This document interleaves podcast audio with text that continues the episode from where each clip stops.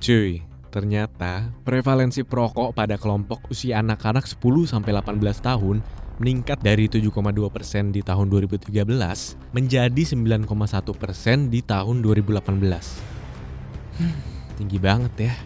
Parahnya lagi, perokok laki-laki di Indonesia itu tertinggi nomor 3 di dunia. Setelah India dan Cina loh. Maka dari itu, Kementerian Kesehatan mencenangkan sebanyak 5 juta orang berhenti dari kebiasaan merokok. Ini nggak cuma rokok jenis konvensional ya, tetapi juga rokok dengan jenis yang lebih modern. Vape misalnya. Nah, kayaknya Ines ini udah mulai berhenti merokok tembakau. Tapi lah kok malah ganti rokok elektronik. Aduh, berapa nih? Udah, langsung aja yuk kita simak perdebatan Don sama Ines soal kampanye berhenti merokok. Pindah haluan atau berhenti total ya?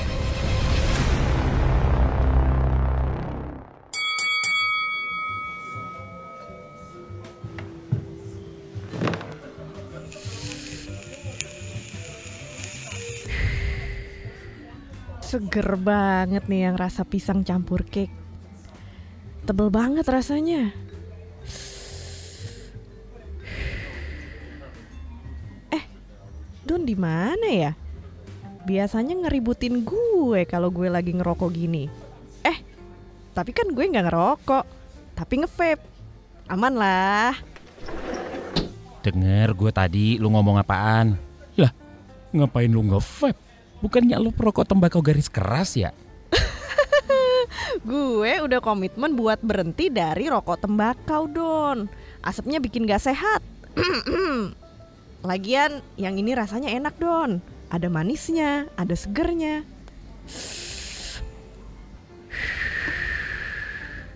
Mau coba? Coba ini. Ya, halu nih. Rokok konvensional emang gak sehat. Tapi gak bener juga pindah ke vape atau rokok elektronik, Nes. Siapa bilang vape gak sehat? Hey, kandungan zat adiktif nikotin di rokok tembakau itu ada dalam vape, Nes.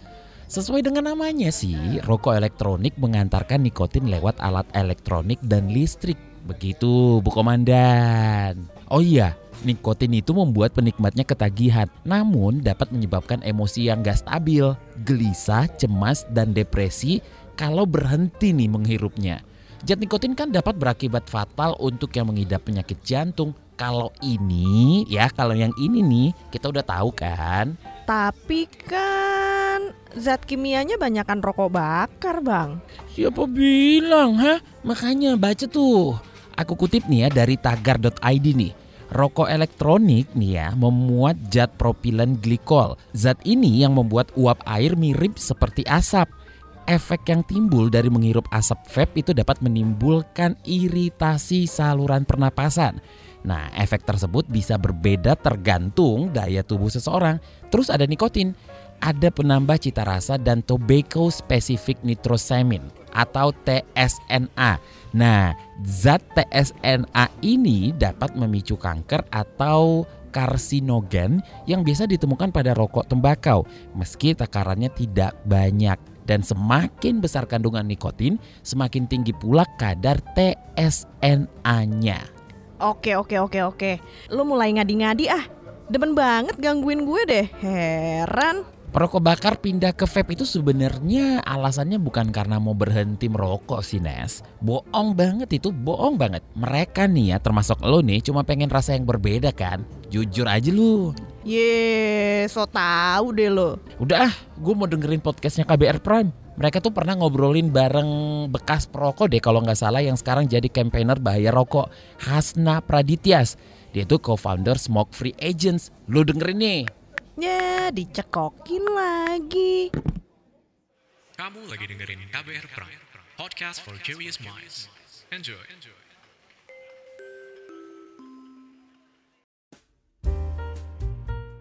Kak Tias, kabarnya Kak Tias ini bekas perokok ya. Gimana nih Kak ceritanya bisa berhenti dari merokok? Bisa ceritain sama kita nggak nih?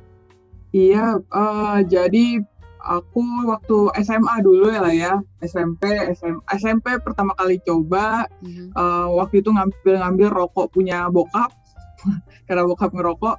Terus SMA eh, kadang-kadang kalau lagi ada acara pensi, acara musik eh, di luar sekolah tambah lagi coba nih ngerokok karena beberapa temen juga banyak yang uh, ngerokok di masa-masa remaja kan emang masanya coba-coba kan ya. Kemudian di kuliah um, ya semakin banyak lagi yang merokok. Ya udah akhirnya kita uh, jadi aku sem uh, semakin pede kayak untuk uh, oh merokok itu hal yang biasa buat uh, anak muda dan kayaknya mereka keren-keren gitu ya. Udah kita ikut waktu itu uh, sampai akhirnya di tahun 2013 uh, saya mau coba berhenti uh, ya di 2013 itu dengan beberapa cara uh, salah satunya dengan uh, membuat menyemangati lagi nih kok buat anak muda untuk sadar akan bahaya rokok itu salah satu bentuk saya mau berhenti ngerokok juga waktu itu. Terus sampai akhirnya Kak Tias ini bisa berhenti ngerokok gimana ceritanya? Ya waktu itu saya ngerasa kayak um, apa ya uang uang waktu itu harganya masih sekitar sepuluh ribu, lima belas ribu untuk anak uh, kuliahan uh, itu lumayan gitu buat makan di warteg bisa dua kali waktu itu. Terus um, saya mikir kalau uh, kenapa saya harus ngeluarin uang terus buat uh, buat rokok gitu. Itu uh, itu bukan hal yang hal yang bagus setelah saya pikir-pikir dan kemudian saya mau berhenti uh, untuk merokok hmm. karena ada uh, untuk berhenti merokok dan itu waktu itu cukup sulit tuh. Jadi saya uh, komitmennya di awal waktu itu berhenti membeli saya berhenti membeli rokok hmm. tapi saya masih itu masih punya korek dan saya punya masih punya teman yang ngerokok. Uh, jadi masih, masih kita masih uh, kalau ngumpul hmm. ya udah bagi-bagi rokok. Itu kan kayak para anak-anak uh, teman-teman kan juga udah nih ambil nih rokok rokok gitu. Nggak ada yang nyemangatin saya untuk berhenti waktu itu. Hmm. terus uh, ya udah setelah saya beren, uh, berhenti beli kalau gitu berarti kuncinya adalah saya uh, harus kasih nih semua korek-korek yang saya punya ke teman-teman. Ya udah saya bagiin. Jadi saya nggak punya apa-apa sama sekali. Terus kata teman saya walaupun di tongkrongan waktu itu inget banget uh, cuman bilang ah lu ngerokok uh, modal paru-paru aja lu nggak mau beli. Gitu. Ya udahlah uh, biarin aja saya kebal gitu. Terus tiba-tiba uh, beberapa saat kemudian ada teman saya ngajakin untuk bikin uh, gerakan Indonesia bebas rokok waktu itu Indonesia Bebas Rokok. Kemudian saya menonton uh, sebuah dokumenter uh, yang ada di tahun 2013, 2012-2013 itu tentang uh, membongkar tentang keburukan-keburukan industri rokok, tentang masalah-masalah uh, rokok yang ada di Indonesia, masalah kesehatan. Uh, itu kemudian saya sadar oh ternyata uh, saya suka melakukan volunteering, saya suka mengikuti kegiatan-kegiatan uh, anak muda, tapi dengan masih ngerokok ternyata saya itu juga uh, apa ya namanya ya uh, nggak nggak mendukung apa yang saya kerjakan gitu nggak relevan hmm. uh, karena ternyata itu adalah hal hal-hal kebohongan membohongi anak remaja hmm. anak muda dan sebagainya jadi habis itu uh, saya saya mau anak muda juga sadar akan hal itu dengan gerakan itu tuh waktu itu namanya Indonesia Bebas Rokok. Katias, gimana sih rasanya pas uh, udah berhenti merokok? Berhenti ngerokok iya jujur Awal lebih uh, apa ya fresh lebih segar dan udara tuh kayak lebih enak gitu ya. Jadi hmm. uh, waktu saya berhenti merokok otomatis tongkrongan saya apalagi saya membuat gerakan gitu. Jadi teman-teman uh, yang mau merokok dekat saya dia agak segan gitu. Hmm. uh, agak segan untuk merokok. Jadi mungkin di kadang ada menjauh atau kadang-kadang ya udah pas ada saya nggak ngerokok dulu nggak apa-apa. Atau saya biasanya juga udah pindah untuk di dalam ruangan gitu nggak nggak nggak ke dalam ruangan ke area merokok hmm. kalau nongkrong. Jadi itu yang saya uh, rasakan uh, pas mengobrol, pas nongkrong tuh nggak girup lagi nih bau rokok. Pulang-pulang rambut bau rokok baju bau rokok kan gak enak banget ya Hmm. Uh, jadi lebih fresh sama sama uh, mungkin ini ada pengaruhnya juga. Jadi waktu uh, saya awal kuliah dan saya SMA, saya atlet uh, untuk lari atletik, lari uh, lempar lembing dan uh, tolak peluru. Hmm. Nah terus di, waktu itu kan saya udah mulai sering ngerokok ya di awal-awal kuliah. Uh, waktu diajak latihan lagi, setelah beberapa lama saya ajak latihan lagi, um, kayak biasanya lima kali putaran lapangan, enam kali putaran lapangan saya bisa gitu. Tapi ini oh. kok dua kali putaran lapangan aja kayak udah capek, udah udah give up ya? gitu. Terus uh, ya udah akhirnya saya bukannya malah berhenti ngerokok karena waktu itu nggak sadar kalau itu mungkin karena rokok atau eh, nggak uh, tahu ya. Terus saya berhenti atletik waktu itu. Nah setelah mungkin sekitar lima tahun atau 10 tahun kemudian uh, di tahun 2015 setelah saya dua tahun berhenti merokok berarti ya itu eh, saya mulai lagi lari ikut maraton dan mulai latihan-latihan. Itu saya bisa ikut eh, 10 km eh, masih 10 kilo sebenarnya 10 kilo Iya. itu udah udah lancar lagi kayak bisa lari terus gitu sampai sekarang juga eh, masih oke gitu untuk eh, lari eh, 10 sampai di atas 10. Oh, jadi banyak banget perubahan-perubahan yang menyegarkan ya setelah berhenti merokok itu sendiri. Ya lebih enak kan. Tapi dengar-dengar nih eh, Kak Tias dan beberapa kelompok anak muda juga lagi fokus nih ya sama kampanye soal commit to quit. Ini bisa dikasih tahu nggak apa sih istilah commit to quit itu sendiri Kak? Commit to quit itu kan bahasa berarti di bahasa Indonesia uh, berkomitmen untuk berhenti Yes. gitu ya. Mm-mm. Jadi commit to quit ini uh, dibuat di tahun ini pada hari tembakau Hari Tanpa Tembakau Sedunia tahun 2021 yang diadakan sama WHO. Mereka mau memilih uh, tema commit to quit. Commit to quit itu uh, mereka uh, di, diinspirasi oleh ternyata di menurut uh, WHO penelitian WHO ada sekitar uh, lebih dari 100 juta uh, orang di dunia ini ingin berhenti merokok gitu uh, total perokok di dunia itu sendiri ada satu miliar. Jadi kebayang lah uh, 170-an jutanya itu mereka ingin sebenarnya ingin berhenti merokok. Cuman memang susah. Jadi kita bisa um, sadarin juga kalau uh, perokok itu adalah mereka juga korban gitu dari uh, keadik- dari perokok.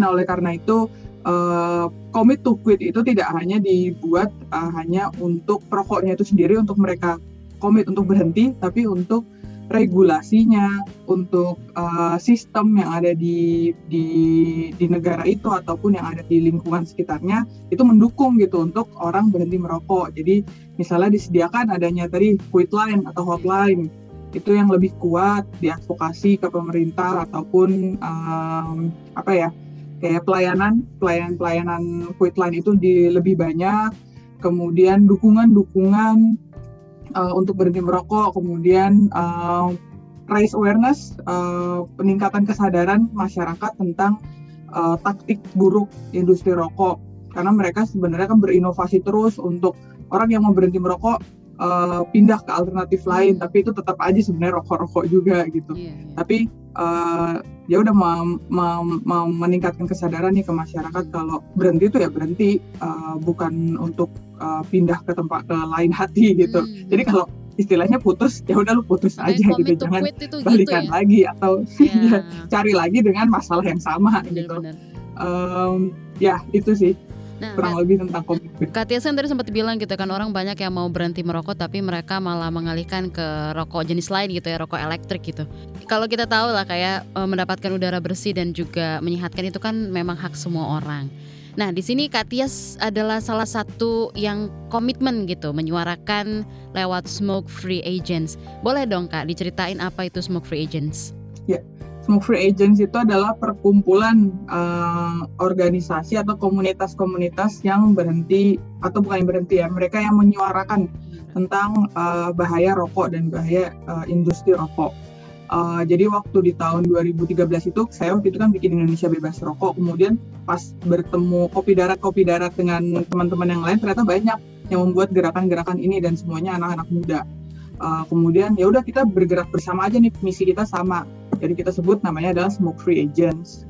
Uh, jadi Smoke Free Agents adalah sebuah gerakan yang sekarang di, dijalani oleh relawan-relawan yang ada di uh, Indonesia. Uh, kebanyakan sih memang di Jakarta karena lebih mudah koordinirnya.